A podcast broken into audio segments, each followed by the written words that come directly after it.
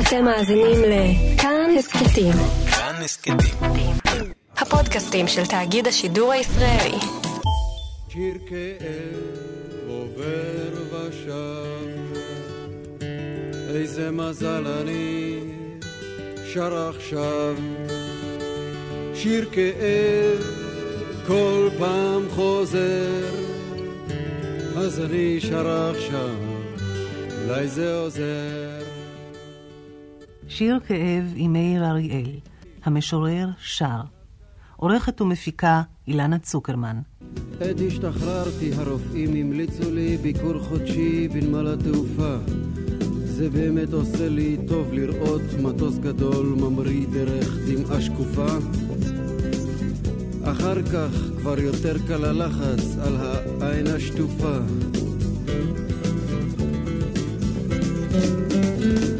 לוקח לי אחר הצהריים חיובי, נוסע לנמל. לעצמי אני אומר בדרך, גם מזה עוד נצטרך להיגמל. עצמי עונה לי בהגיינו, אז נתחיל כל יום להתעמל. טרמינל שתם, I love you, טרמינל בלמיה. הדלתות מנחשות אותי ונפתחות לי מעצמן. אני נכנס לאט עם הרבה טקס בישבן, וכל האינטרקונטיננטליה מדגדגת לי כאן וכאן, וכאן. לוקח את עצמי לשירותים להירגע, גונב איזו הצצונת בראי, רואה שם משוגע. חתיכות כמו טרמינל, רבות יש מסוגה.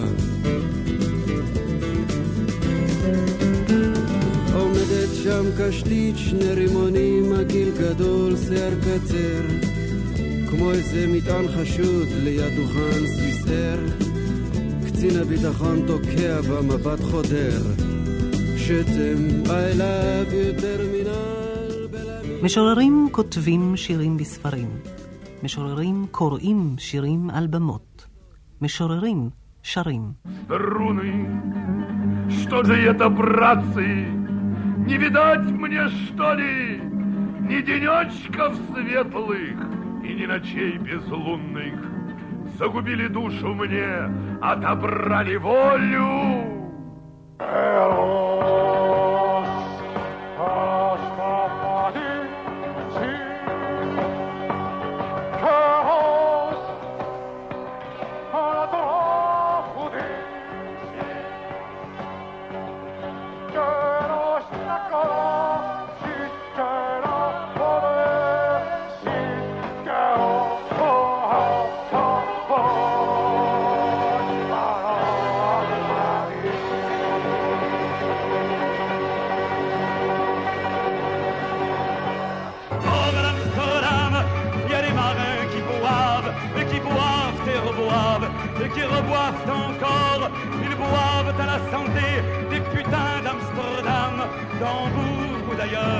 Enfin, ils boivent aux dames qui leur donnent leur joli corps, qui leur donnent leur vertu.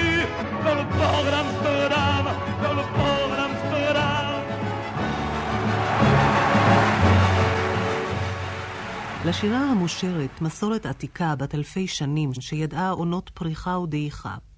בפרובנס בימי הביניים נדדו הטרובדורים, פייטנים זמרים, מחצר מלכות לחצר אבירים, מטירה לטירה, כדי לשיר ולנגן את שיריהם.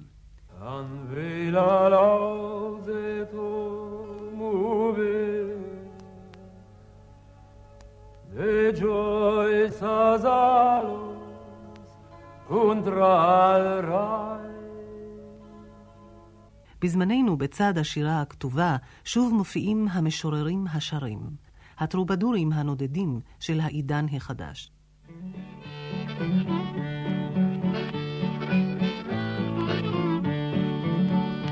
Well, the guns of war has roared and the bombs and shells have fallen.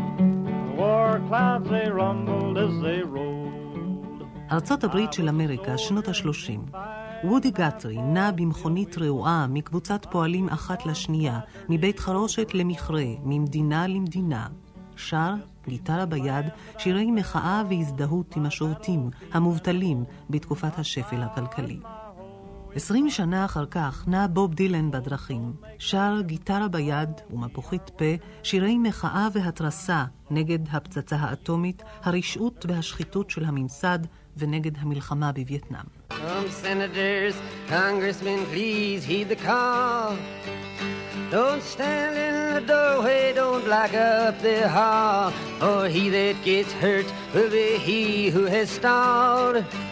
The battle outside raging. Will soon shake your windows and rattle your walls, for the times they are a changing.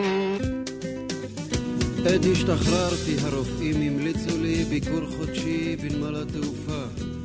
זה באמת עושה לי טוב לראות מטוס גדול ממריא דרך דמעה שקופה. אחר כך כבר יותר קל הלחץ על העין השטופה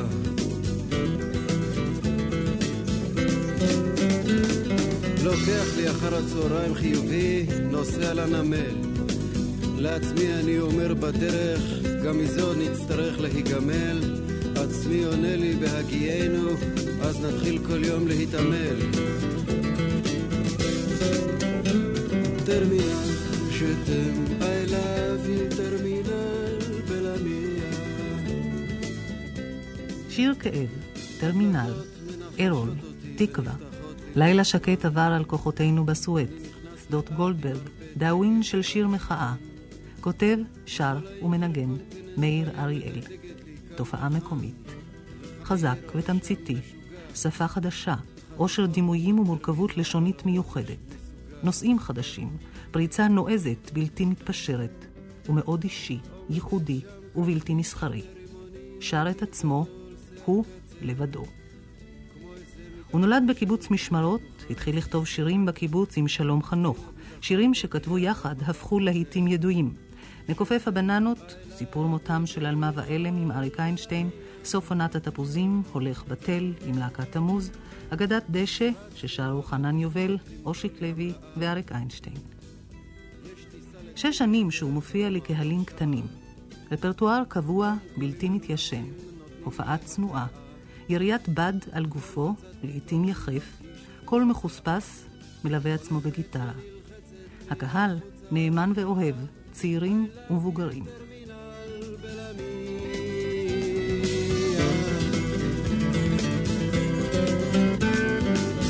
רץ בחזרס מסרה להספיק את טרמינל. חתיכות כמוה אתה מדפדף בכל ז'ורנל. אך היא כבר לא שם, קצין הביטחון כנ"ל. רמקולים מנומסים עם טון יותר תקיף. הומור, אירוניה וכאב שזורים זה בזה. יש שרואים בו משורר, שנסונייר, טרובדור ישראלי. היי ליי ליי ליי ליי ליי ליי ליי ליי ליי ליי ליי מדוע אתה באמת שם את הריג הזה, אה, את החצי אדרת הזאת? מצאתי לזה סיבות אה, כמו תיאטרליות. אה, כיוון שיש בשירים הרבה מאוד מה שיכול להיחשב כמונוטוניות, ולפעמים מכוונת.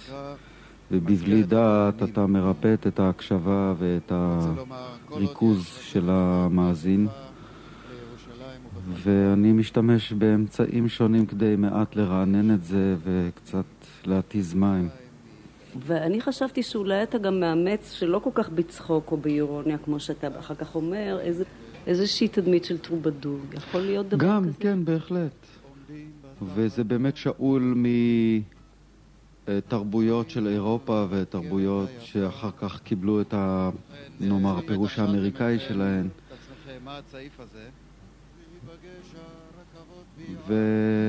וזה באמת אולי יותר אקט ספרותי. זה כן. הנופך הספרדי של. הערב. הבד הפרסי הזה. אני, היו לי פעם חלומות להיות טרובדור בסגנון אה, ספרדי, צרפתי, צועני, רוסי, יוגוסלבי, מרוקאי. זה מה שנשאר. הבלדה על אולבבו. הבלדה על עולה בבו הוא שיר מוקדם מאוד של מאיר אריאל, אשר נכתב יחד עם שלום חנוך בקיבוץ משמרות בתחילת שנות ה-60. השיר לא נכלל בתגליתיו של מאיר ולא הוקלט אף פעם.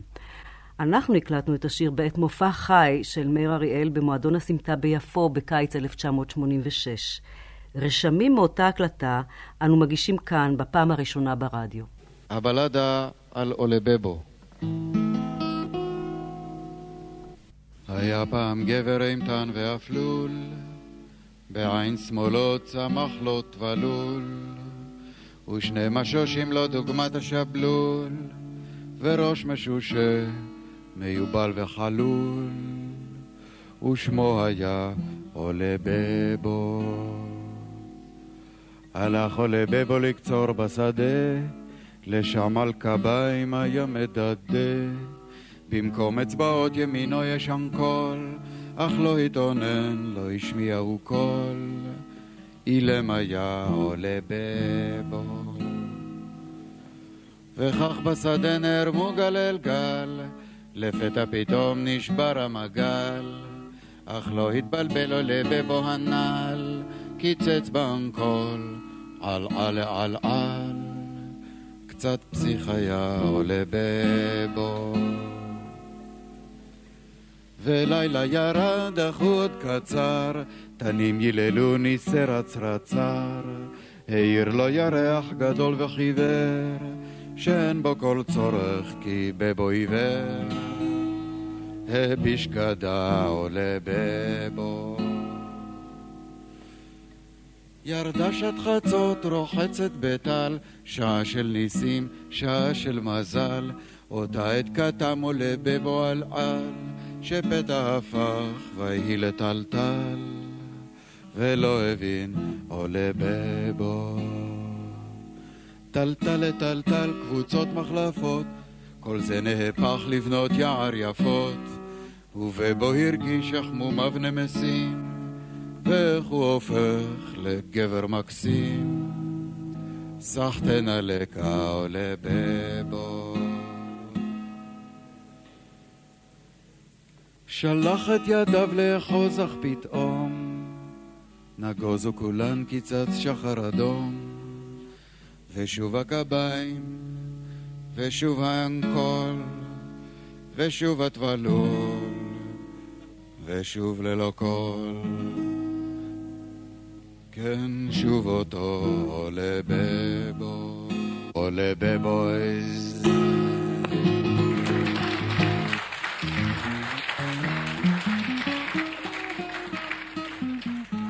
מאיר אריאל במועדון הסמטה, יפו. שיר כאב עם מאיר אריאל וחברים, שלום חנוך, דורי בן זאב וחנן יובל. אני התחלתי את דרכי ככותב בתור חרזן של גסויות בשיעורים. בשביל להציל את העין מתרדמה סופי. ככה לקראת שעות הצהריים העולות. מזה אני התחלתי את הקריירה שלי ככותב. פחות או יותר, ויותר... גסויות? כמה? גסויות שלא עולות על דל... זאת אומרת, שלא עולות על הבמה. מאיר אריאל עם שלום חנוך, שותים קפה, מדברים. הייתה לו את התכונה שהגסויות שלו היו אה, ש- שירה. הוא חיפש את השירה בגסויות, לא... מצאתי בזה טעם מסוים, זה שימש אה, כאילו משהו... זה חומר, כן. עכשיו, כשהתחלנו לעבוד לכיוונים אה, של הציבור, אז זה בעיקר היה, עד כמה שאני זוכר, או פורים, איך בלי גסויות, או חתונות, איך בלי גסויות. אז בעצם, כאילו, אה, מה שקוראים גסויות זה היה, ב... אנחנו לא כתבנו, נגיד, קטעים רציניים לחג או למשהו, לפסח נגיד, איזה... מסכת לסוכות מסכת לסוכות. אני זוכר, אגב, שדבר אחד כן עשינו לסוכות. ש- ואת השיר של שלונסקי. את השיר של שלונסקי, שהלחנו אותו ביחד. זה הלך שורה שורה. נכון. ועל המקום, בלי שום התכוננות וזה, זה אגדה ידועה והיא גם אמיתית במקרה. כן. וכמה היית? לדעתי, אני התחלתי אה, בסביבות 17-18, אני צעיר ממאיר בארבע שנים. מתי שאבא שלו קנה לו גיטרה, והביא לו את זה לידיים, והוא התחיל לנגן, מאז התחילו הצרות, אפשר לומר. איך נוצר הקשר הראשון של הכתיבה ביחד, או שאני מלחין דבר של מאיר, או ש... זה אני לא זוכר בדיוק איך שזה התחיל. אני לא יכול לעלות על הדעת מה היה, נאמר, השיר הראשון שעשינו. כי אני זוכר שמה שאני הלחנתי למשמרון, השיר, השיר הראשון, הבכורה שלך, היה דווקא של מילים של דבי. כן, כן. חלוקת התפקידים היא כזאת, המשורר, הפזמונאי, זה מאיר, והקומפוזיטור זה שלום. הם יושבים להם יחד, בדרך כלל אין חוק קבוע מה נכתב קודם, לפעמים זה המילים, לפעמים זה המנגינה, אף אחד מהם איננו מוזיקאי במקצוע, לכן הם מלמדים את זה אחד לשני מהפה אל האוזן. כיוון ששלום הלך לו לנחל, בסרטייה של כל ישראל מצאנו הקלטה של להקת משמרון, להקת קיבוץ משמרות, שהייתה אורחת מועדון הזמר בהנחייתו של מאיר הרניק, זיכרונו לברכה. תאריך ההקלטה, נובמבר 1965. והוא היחידי שנשאר חופשי או רווק, כפי שתרצו, וזה הטביע את האופי על הרבה מן השירים שהוא כתב. למשל, השיר הראשון, ששמו ניסה לים, לא יובן אם לא יפתח מאיר את סגור ליבו הרווקי לרגע ויסביר מה הולך שם. ובכן, אחרי ליל אכזבות ביום שישי, כפי שזה קורה, אז uh, קמים בבוקר, קמים בבוקר בשבת, בקיץ, חם מאוד, ומנסים לנסות את המזל אולי שם, על חוף הים, ניסה לים. ניסה לים, נראה שם חתיכות בהמונן, הולכות או משתפכות בחול החם, ניסה לים. ניסה לים, נראה איך הן משזפות את אור גופן, נראה איך הן חושפות את העניין, לה לה לה לה לה, ניסה לים.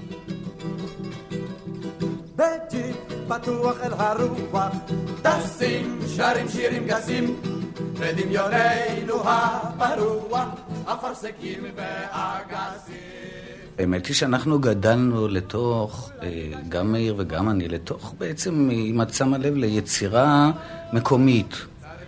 הקיבוץ ייצר בתוך עצמו את החומר התרבותי, בעיקר הבידורי יותר, של, ה, של החגים והמועדים שלו. ובאופן טבעי אנחנו גדלנו לזה שמילא אבא שלי עוד, עוד היה כותב מילים למנגינות ידועות. אנחנו באמת אה, החלטנו להפסיק את זה אחת ולתמיד, ופשוט לא, זה לא בא בחשבון בזמננו. הלחנו וכתבנו. אנחנו היינו כמו בתוך, אה, אני חושב, כמו בתוך אה, מין סדנה כזאת, במובן הזה, שיצרנו את שלנו, בזה הייתה, על זה הייתה גאוותנו בעצם. אתה מסכים איתי? מאוד. כן, על זה הייתה גאוותנו, החומר שלנו והלהקה שלנו. כן, זה, ו, ו, וגם, אני זוכר שגם די היינו גאים, חשבנו שאנחנו, די האמנו שאנחנו טובים. זאת אומרת, לא הרגש, לא היה לנו רגשי נחיתות כלפי אף אחד. אם הכירו אז, אני זוכר כשהיה משמרון והכירו את הגבעתרון וזה, זה לא היה בשבילנו, אה, את יודעת, איזה דוגמה טובה או משהו כזה. לא ניסינו אף פעם להיות דומים. אני עכשיו שם לב וחושב ככה, שהיה איזו שליטה ברורה הכתבה ברורה של המילים, כלומר, בהלחנה, גם מאיר וגם אני, אה, המנגינה הייתה, נועדה, ובצדק לפי דעתי, לשרת את המילים.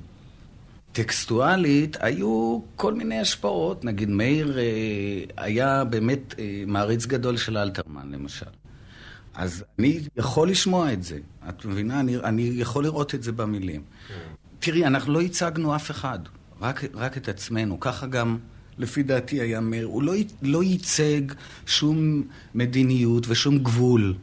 לא גבול ולא מצב מתוח ולא ערבים ויהודים ולא ציונות. אלא... ולא סמלים במובן הזה, אלא באמת את אה, חיינו. אנחנו בלב הבועה השקטה, הכלכלה הזאת, שום דבר לא חוצה את זה. זה לא רק זה. רק אפילו, אפילו על הגבול זה לא חוצה את זה לדעתי, אבל נניח ששם מדי פעם היה מתפוצץ משהו, אצלנו לא, וגם לא חיינו במה שההיצע היה מהרדיו ומהחיים. אני חיפשתי כי סלדה נפשי מפתוס. היינו מולעטים בביאליק וזה, שלא יכולנו לפתח לזה יחס שאולי היינו יכולים היום.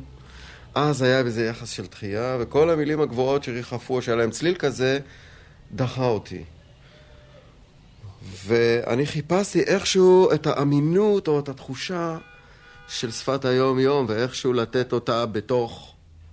כן, זה כאילו... הנקודה האישית שלו. אתה גם במוזיקה עשית פריצות, זה לא רק אז לא, אז זה בדיוק, אז את רואה שיש פה בדיוק מהלך מקביל, גם אצלו וגם אצלי. הוא מבחינת הטקסטים היה באמת... אה, הוא, הוא סלל דרך חדשה, שזו הייתה דרך שלו ונשארה עד היום. בתקופה שהוא כתב, שהוא התחיל לכתוב, זה היה באמת כל כך שונה. זה עד היום נורא שונה. אבל אז את מתארת לך, כי באמת, מה זה המילים הגבוהות? הם הסתובבו בקיבוץ בין כל הקירות במהירות הבזק. המילים הגבוהות שייכות להוויה של הקיבוץ, בפירוש. וזה אולי גם מה שדחף אותו איך הוא, אם, אם הוא התחיל ממילים גסות, הוא קודם כל הלך לקיצוניות השנייה, ואז הוא אולי טיפה עידן את זה לטובת הציבור. כן? לא בגלל שזה היה אה, שאיפה גדולה שלו, אבל הוא עידן לטובת הציבור קצת. אבל זה מרד, זה מרד, בלי שום ספק. אבא שלי, למשל, כל מה שהוא כתב היה על נושאים של הקיבוץ. של חייו בקיבוץ. של חייו בקיבוץ ושל חיי הקבוצה. חיינו. חיינו, כן, אין, זה, אין חיי. בעיקר. חיינו. אני באמת במובן הזה, אני חושב שדי אה, די יצאתי, די יצאתי הצידה, די מההתחלה כבר, במובן שמתי שאני כתבתי טקסטים. היה... זה, זה הפך להיות כאילו סיפור, סיפורים אישיים יותר. לפי דעתי, ואני זוכר שזה מה שעניין אותי לפחות, היצירה בכל העסק הזה. זה היה המסע הטריפ, המסע ההרפתקאות. אחר כך, זה, ביצוע זה כבר בעייתי. מאוד. שרים, אבל אף, אין כמעט מי שמנגן בקיבוץ, ומה לדבר על הקלטה, או... את מבינה? זה הרבה כן. פחות מלהקת הנחל. כן, זהו. לדעתי, כמה שהוא היה הכי צעיר מכולנו, ככה הוא היה הכי מקצועי. והפריעו לו דברים עוד לפני שהוא בכלל ידע מה, לא יודע למה ולא יודע איך, אבל אני תמיד זוכר אותו. אני תמיד הייתי מחכה שהוא יסכים כבר, טוב, שיהיה כבר כך. אחרי שהיינו עושים שיר ועוד שיר, עוד היה נשאר הפרצוף התלוי הזה של... זה, זה, זה לא זה, נו.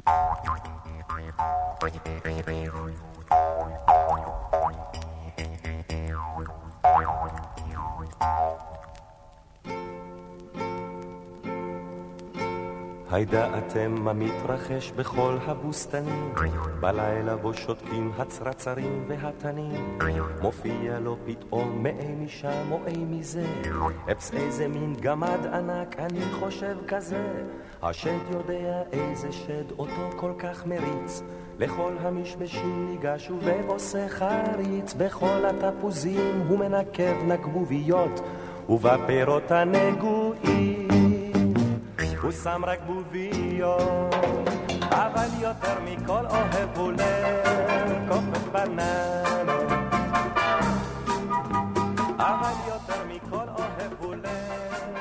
אז בתקופה עד שנסעתי, הספקתי לכתוב לא טקסטים למנגינות או טקסטים שעליהם הוא הלחין עבור אריק איינשטיין, שאז הוא התחיל לעבוד איתו. מזל גדי.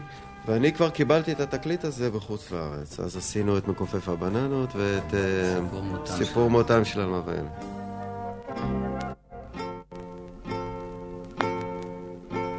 אבטיחים הרי ראיתם בצידי דרכים, עכשיו אתם יודעים מי מסמל את הפלחים. תודו שככה לא היה בכלל נראה פלפל, לולי מיודענו הזריז גם בו טיפל. זה הוא אשר מושך את הפטמות בלימונים. אנו תנחשו מה הוא עושה לרימונים. אני צריך לומר לכם, כמעט חטפתי שוק, כשרק שמעתי מה שהוא עושה לארטישוק. אבל יותר מכל אוהב הוא לקופף בננות. אבל יותר מכל אוהב הוא לכופף בננות,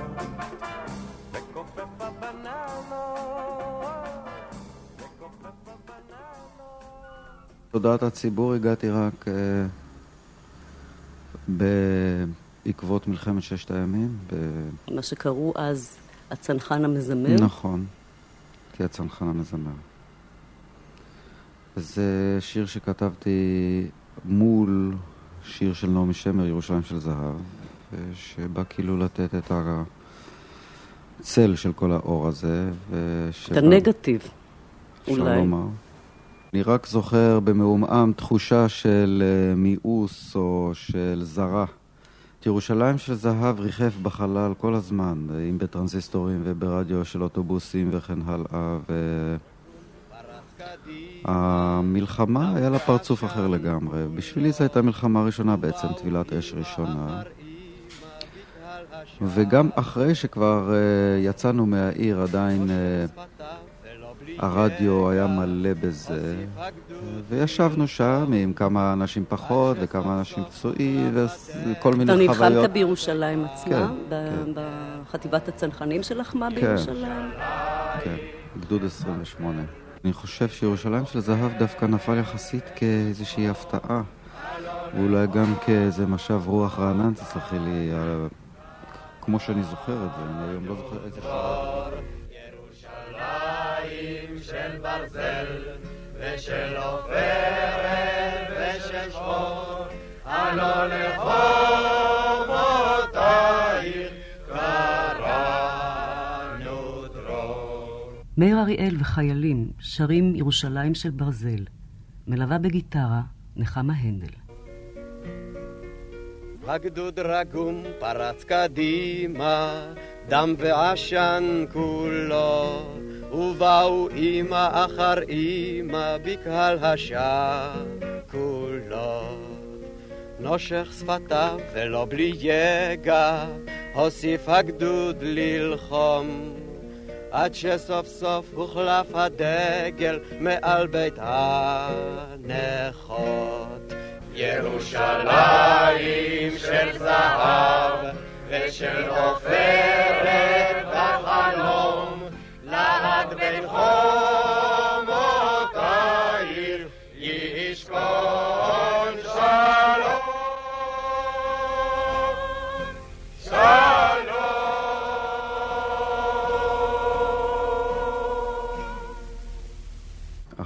uh, ירושלים של ברזל, היה לי איזשהו ניסיון uh, מצד אחד uh, לתפוס קריירה על הפרסום הזה. מצד שני, חשתי שהתדמית הזאת פשוט אה, עוצרת אותי. באיזה מובן? במובן שההתוודעות שלי אל הקהל בתור הצנחן המזמר תקעה גם את הקהל, גם אותי, למקום שאף אחד לא רצה להיות בו יותר מדי זמן. אה, גם לא הצנחן וגם לא המזמר. לא שהיה לי התנגדות אה, לשיר, להפך, רציתי לשיר, אבל תוויות מגבילות מהסוג הזה לא רציתי. אני די הייתי מנותק מתרבות הרוק. ולא דיבר אליי במיוחד למעט החיפושיות, שאני לא סיווגתי אותם ברוק או באחר, אבל פשוט זה דיבר אליי. ואחרים שפשוט לא הכרתי או שלא לא משכת לי את האוזן, אז לא נכנסתי לזה. מה שכן, התוודעתי אז אה, לראשונה לבוב דילן, בתקליט יחסית מאוחר שלו דווקא. אז, בשביל אז. היה אז Nashville Skyline. ועליו נתפסתי. מבוב דילן אני מושפע, בלי ספק. טקסטים גם? אפילו, לא, טקסטים אני מושפע, אה, זאת אומרת, יש השפעה, אבל היא עוברת דרך, אה, כאילו, דרך החוויות שלי, אני חושב. אני לא מנסה לחקות אותו או ליישר כאילו קו לפי הנושאים שהוא עוסק בהם. חלק גדול מזה אני פשוט לא מבין. בטקסטים שלו אני לא ממש זוכר.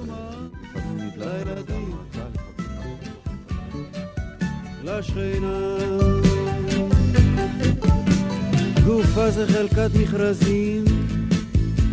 מופלית גמישותה בין קוויה שכמה מהם מופרזים כמו מספר מאהביה, ותארו לכם. אז מה אני צריך את כל הליריות הזאת, עם כל הסמליות אשר בינה לבינה? כמה זמן יכולנו פשוט להתחזות? אני חוזר לבלומה, לילדים, לשכינה. ארול, אחד.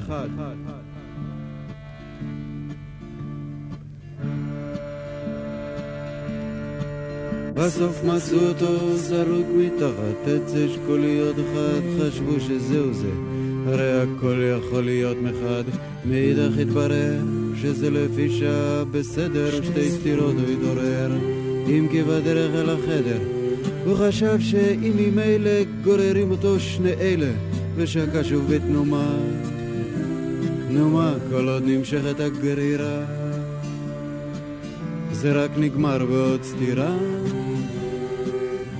ארול, ארול. יום אחד הוא צץ ממעבה מחלפותיו, ואז כולם ראו לו את הלבנונית. רוחי אהבה אותו למרות התקפותיו, גם צילה של יהודה נון, התמנונית. יום שבת אחד הפיהוקים מקיר אל קיר, חולף יהודה נון על פני מחסן פחים. הוא שומע משהו משם והוא מכיר והוא נכנס לשם קשה ללא רחם. מאוחר יותר אוכלים את נון ההיסוסים אולי אסור היה לו ככה להכות. הם גוברים ככל שנמשכים החיפושים זאת היא הייתה צריכה לחטוף את המכות. ורוחי כאבה אותו אומרים שגם אביבה יש אומרים יסוד סביר לחשוב שגם עקיבא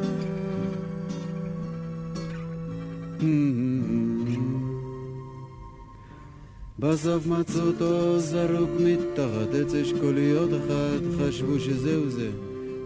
אני נולדתי בקיבוץ משמרות, אבל uh, כבר בילדותי עברתי לפרדס חנה, כך שאני לא יכול להגיד שהכרתי אותו מה, מהעריסה.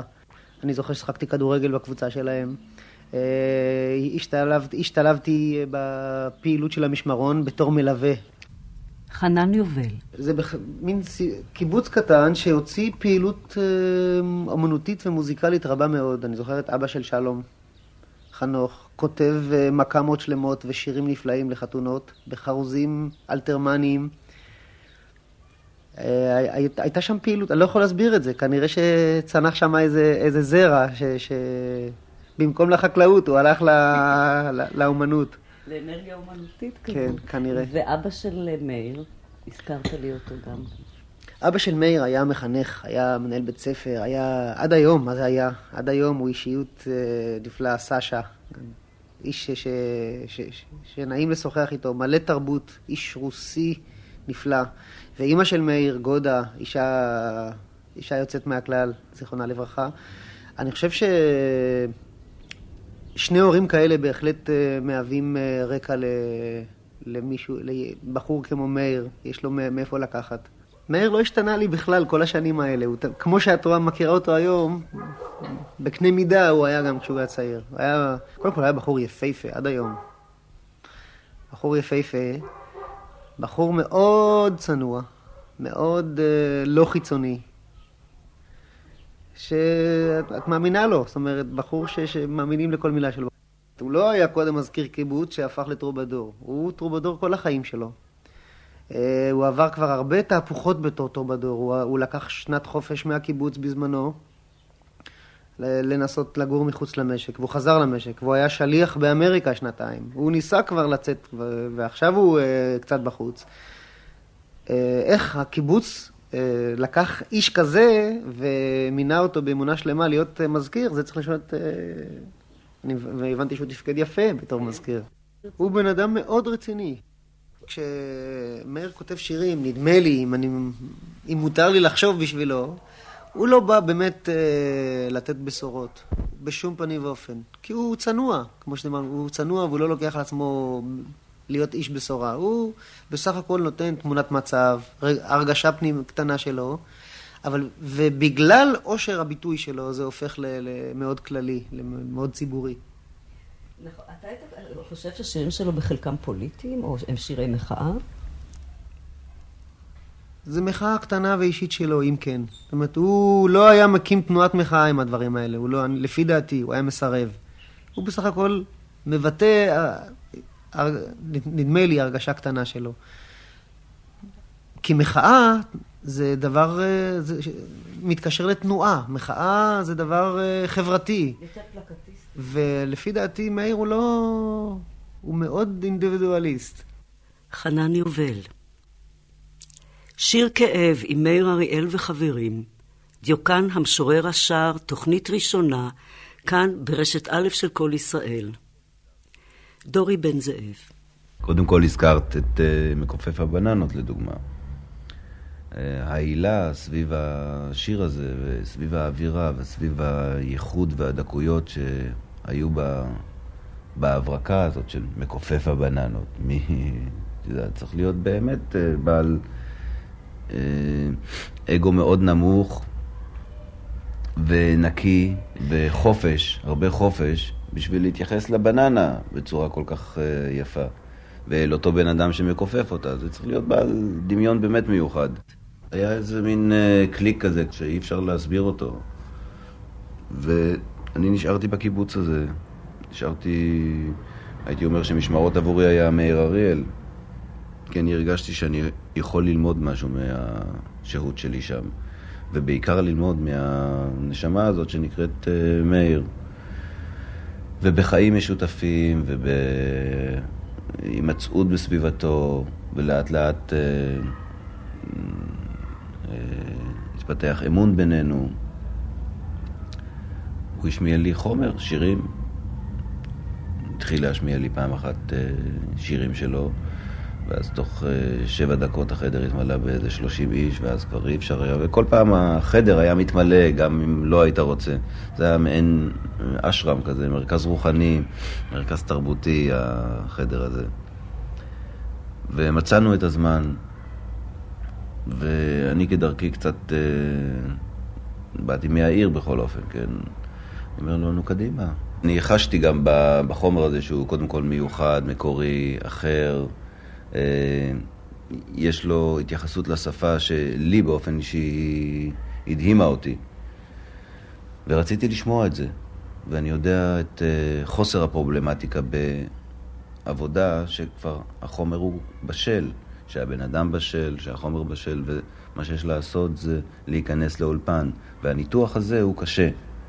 למרות שהחומר של מאיר היה מוכן, הוא היה צריך לעבור כנראה תהליך פנימי תהליך גמילה מהאיטיות הקיבוצית, או להשאיר את השירים בדמיון, כן? כי כשאתה נמצא עם אה, חומר בתוך עצמך, אז אתה גם מלא אותו.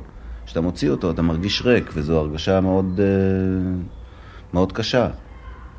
אה, או נאמר, לא, לא קשה עד כדי שאתה לא יכול לסבול את זה, אבל זה ממשיך איזשהו תהליך שזה דורש ממך אחר כך עוד. והדרישה הזאת היא כנראה מאיימת. אולי גם החשיפה, לא? בהחלט, אתה מתחיל לצאת לדרך. אתה מתחיל להיות, אה, אתה לא מאיר, אריאל או איקס, אומן, שאתה עם עצמך ואתה יכול ליצור סביב עצמך עולם פנימי. העולם הפנימי שלך לרשות הכלל. וזה מתחיל להיות אה, דבר שצריך להתמודד איתו, לא, לא החומר. ומאחר והשירים, כמו שאנחנו שומעים ויודעים, הם שירים אומנם מצוירים בסגנונו הוא והצבעים שלו, אבל הם חושפניים. והחשיפה הזאת היא, היא בעלת עומק, שאחר כך צריך איתה אה, המשך. ואני מאוד דרבנתי. מאוד דרבנתי ואמרתי, יאללה, קדימה, קדימה, בוא, בוא נעשה את זה, בוא נעבור עוד שיר, עוד שיר, בוא תשמיע לי את זה. והוא השמיע לי באמת אה, את כל השירים. השפה הזאת שלו, והתמצות, כמו שאת אומרת, ולא להתפזר על אה, הבהרות מיותרות. אה, די היממו אותי. כי נמצא כאן בן אדם שהוא בן אדם ככל האדם, עם, עם ייחוד ועם אה, דקויות ועם התייחסות לשפה שדיברה לי ישר בתוך מקום שלא ידעתי אותו קודם. ואותו מקום גרם לי להתחיל ליצור. ומהמפגש הזה אני, אני התחלתי לכתוב. כלומר, אמרתי, מה אני אתחיל לדרבן אותו כל כך הרבה זמן? אני, אני בינתיים... ממש באותה תקופה פרצה מלחמת יום כיפור. מאיר נלחם שוב, הפעם בקרבות על העיר סואץ. דורי בן זאב התגייס לצוות בידור של גלי צה"ל, הגיע אל מאיר והקליט אותו, אי שם, ליד הארמיה השלישית, שר עם חיילים. בשעת עריכת התוכנית הזאת, דורי יגע וגם מצא את ההקלטה המסוימת הזאת, והנה קטעים אחדים ממנה. יש פורט גיטרה, מאיר אריאל, חבר קיבוץ משמרות. הוא לא רוצה להופיע עם ג'יפ, הוא רוצה עם גיטרה, לחיילים, להביא להם את מה שהוא עובר, את מה שהוא כותב, לכולם. כותבים מכתבים, יש גם סלנג, לאט לאט. במקרה לילה שקט עבר על כוחותינו בסואל, בסומל, בסואץ, בסואץ. איך שאני מתפלץ, אה, מתבלבל, אני אומר לך, כל כך הרבה בנות, פשוט נפלא. לילה שקט על כוחותינו בסואץ. מאיר אריאל, חייל במחלקה, הוא מנגן, הוא גם שר, הוא גם כותב. לילה שקט עבר עליו ועל כוחותינו בסואץ.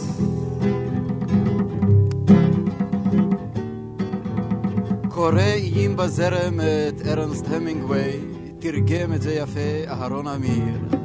אז עוד מעט הוא יצקק אותה על המיטה הרחבה שלו, והוא אחד העצובים בעיר. הוא כבר איבד שלושה בנים... אז זה נכתב בזמן שירות בסואץ. כן. וזה למעשה צילום אותנטי של מצב שהייתי בו היחידי אולי שאני יכול להצביע עליו מכל השירים שכתבתי. של מצב שבו הייתי ופשוט כתבתי את המצב הזה. אכן ישבתי וקראתי את איים בזרם בנקודה שאליו הגעתי, יצאתי לשמירה, עשיתי שמירה, חזרתי, כתבתי את השיר והמשכתי לקרוא את הספר. אני עכשיו אל השמירה יוצא. באמת אולי פשוט התחבר הספר. עם הספר פשוט לקח אותי שבי, הרחק אותי, ככה הרגיע אותי מהסיטואציה של סואץ. ופתאום, כאילו המחוזות החפץ האלה שבא לי להיות בהם, בא לי להיות במקומו, יושב שם בבר הזה, מספר להם על הזונות שלו. פתאום נכנסת האהובה שלו, זה בכלל בשבילו דבר אחר, זה מכה אחרת. בשבילי זה היה כאילו לבוא אל איזה מצב על הכיפאק בהשוואה למה שאני קורא לי עכשיו. בלי לתת דין וחשבון שהוא בכלל קרוע. והוא אחד העצובים בעיר, אז מה אני? אני יוצא סוף סוף הביתה לחופשה, אני נצמד אל המשקפת לא לחשוב. באוהל מחכים לי אור ותה פרחי תפוח וסיגריה וסיפור חזק וטוב. חוץ מכוכב אחד קטן שהתחזה נצנוץ חשוד, הפזמונים עברו בסך בלי שום דבר.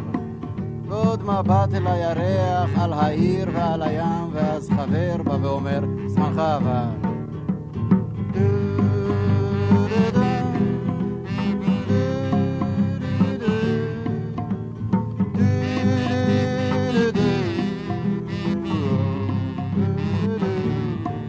הלכו שני תה פלחי תפוח וארבע חמש סיגריות, כי פתאום נתקע לי כאן השיר "לילה שקט עבר על כוחותינו" חיכה עשר שנים תמימות, עד שיצא ב-1984 בתקליט השני של מאיר, וגלו עיניים. אנחנו השמענו לכם את הנוסח הראשון ממש בעת היכתבו. נשוב עכשיו אל דורי בן זאב. אני יודע שנעשית כאן עבודה מאוד אמיתית. מאיר קודם כל נאמן לעצמו, וכשאומן נאמן לעצמו, הוא מצליח להגיע אל אותם אנשים שרוצים לספוג את זה. ואותם דברים שהדליקו אותי אצל מאיר, שלא ידעתי מה הם, מעבר לסופרלטיבים שדיברנו על שפה ועל דיוק ועל על, על היופי של הנשמה שלו, אה, יש דברים שמדברים אלינו, וזה, וזה יושר, וזה אמת, וזה הפשטות. זה דברים שלא כל כך קשורים לבידור, ולא קשורים לבמה, ולא קשורים ל... לכל השואו ביזנס. הוא לא שואו ביזנס, מאיר. למרות שהוא מצא את החלל הנכון, כמו שאת אומרת, ארץ ישראל. מצא את החלל הנכון בשביל למלא אותו. ואני מאמין שעם הזמן הוא יהפך ל... לנכס, צאן, אבל ברזל זה לא כל כך טוב. לנכס צאן. terminal, je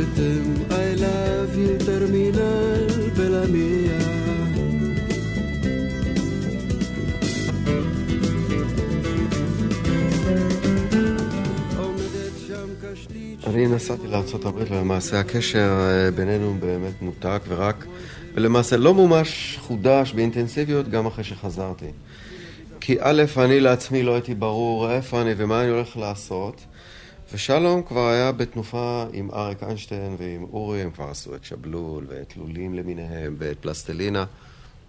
שלום היה בתנופה עצומה קדימה, ואני צריך להתעסק עם uh, הרגעת הקנאה, ש... Uh, זאת אומרת, לא נתתי לה אולי לאכול בכל פה, אבל... לא נתת לה להתגלות. נוסח, תראו, תראו, תראו, תראו, אני לא, לא הסתובבתי, והנה איפה הוא, איפה אני.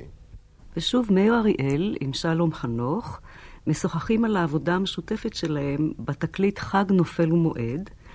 מאיר כתב, הלחין ושר, שלום עשה את העיבודים וניהל מוזיקלית.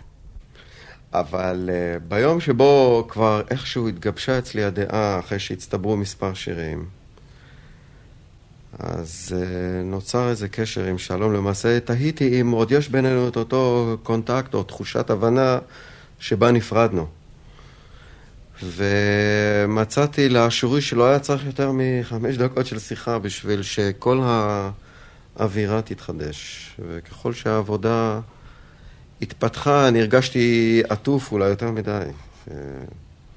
מוציא אותי מתוך עצמי בלי שיכולתי לדמיין. הרבה מאוד.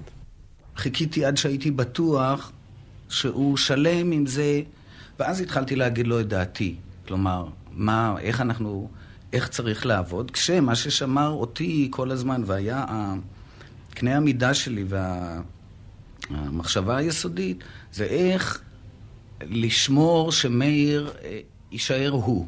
כלומר, ש... היה ככה, היה אילוץ טכני, שהיה ברור לי, היות והוא לא היה מספיק משופשף עם החומר, ולא מספיק, הוא עבד לבד עד אז. כשעובדים לבד זה לא כל כך uh, פשוט, uh, צריך ראש מאוד uh, טכני בשביל uh, להשלים איזושהי uh, ארכיטקטורה ולהישאר דבוק אליה ולא לזוז. אולי זה גם לא טעם כל כך את, ה, את, דרך, ה, את דרך ההתבטאות שלו, כאילו זה איים עליו באיזשהו מקום. הבנו שנינו שיהיה לא נכון לשים מסגרת מסביב למאיר לפני שהוא עשה את שלו. עכשיו, מה שהחלטנו בהתחלה, ואני החלטתי בשביל עצמי, זה שמה שישמור על האמינות ועל האמת, זה אם נקליט אותו קודם. זה דבר לא רגיל בהקלטות. אותו עם הגיטרה, ככה כמו שהוא מנגן. ניקח את הטייק הכי טוב, ועל זה נבנה. כן, וזה כמובן, מדובר גם על אה, שירה, ומאיר רגיל היה לשיר ולנגן באותו זמן, והוא לא נגן הכי מעולה על גיטרה. יחד עם זה אמרתי לעצמי ולא, והוא כמובן, זה לפחות הרגיע אותו, שהוא ידע שהוא נכנס לאולפן וזה הוא. וככה עשינו את זה. מאיר נכנס לאולפן עם הגיטרה, ישב ושר את השיר. עד שחשבנו שזה טייק סביר. סביר. אמרנו על זה נעבוד, ואם נהיה בצרות, הוא ישיר עוד פעם. ואולי היה איזה שיר אחד או שניים שהוא בסופו של דבר שר עוד פעם. יחד עם זה, היות וזה התחיל ממנו, היה לו יותר קל להיכנס לזה. וזה לא העיף אותו מעצמו. כשאני ככה שומעת אתכם יחד, רציתי לשאול אתכם, אולי... אה, הייתם אולי אה, חושבים... אנחנו חושבים על זה. הוא ענה לפני שהתחל, כן. אני יודע, אני יודע בדיוק מה את שואלת. אם היינו עושים משהו ביחד עכשיו, נכון לעכשיו, אני בשמחה הייתי עושה, אני חושב שגם הוא. ואני מאמין שגם נעשה את זה. אנחנו עוד לא יכולים, לא יכולים לפרסם את התוכניות שלנו. אמרת כיף של פעם, זה יהיה הכיף של עכשיו. זה יהיה הכיף הזה. כי אם זה יהיה. כיף של פעם, זה לא יהיה. נכון. אבל אם פה, נכון להיום, יש לנו על מה להרביץ על הברזל, אז אני הייתי נכנס לדרכה. I love you terminal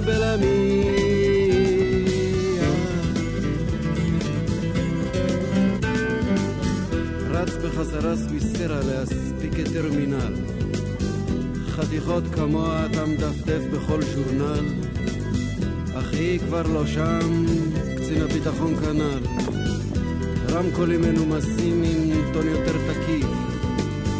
אני צריך כבר לעלות למעלה להשקיף. כאן בצד זה כל הזמן הולך ומחריף. כמעט בלי נשימה אני נתקל במעקה. אור שקיע גדול מסנוורים אותי עקה. הגשנו שיר כאב עם מאיר אריאל וחברים, שלום חנוך, דורי בן זאב וחנן יובל. המשורר שר. מפיקה ועורכת אילנה צוקרמן. הטכנאי היה יונתן לוי. דרך הדמעה של הליצן המשתומם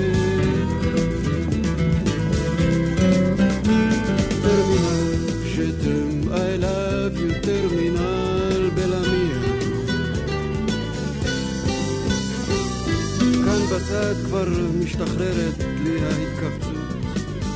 פתאום את שמי הערב מדליקה התפוצצות.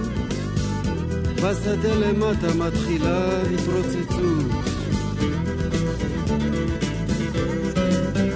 עת השתחררתי הרופאים המליצו לי ביקור חודשי בנמל התעופה. זה באמת עושה לי טוב לראות מטוס גדול ממריא דרך דמעה שקופה עכשיו כבר יותר קל הלחץ על העין השטופה, השלופה, הכלופה, הצלופה, הדלופה, הפרופה, התרופה, השרופה, הצרופה, הכלופה. הנה כי כן עצמי אומר לי, הייתה לנו תרופה.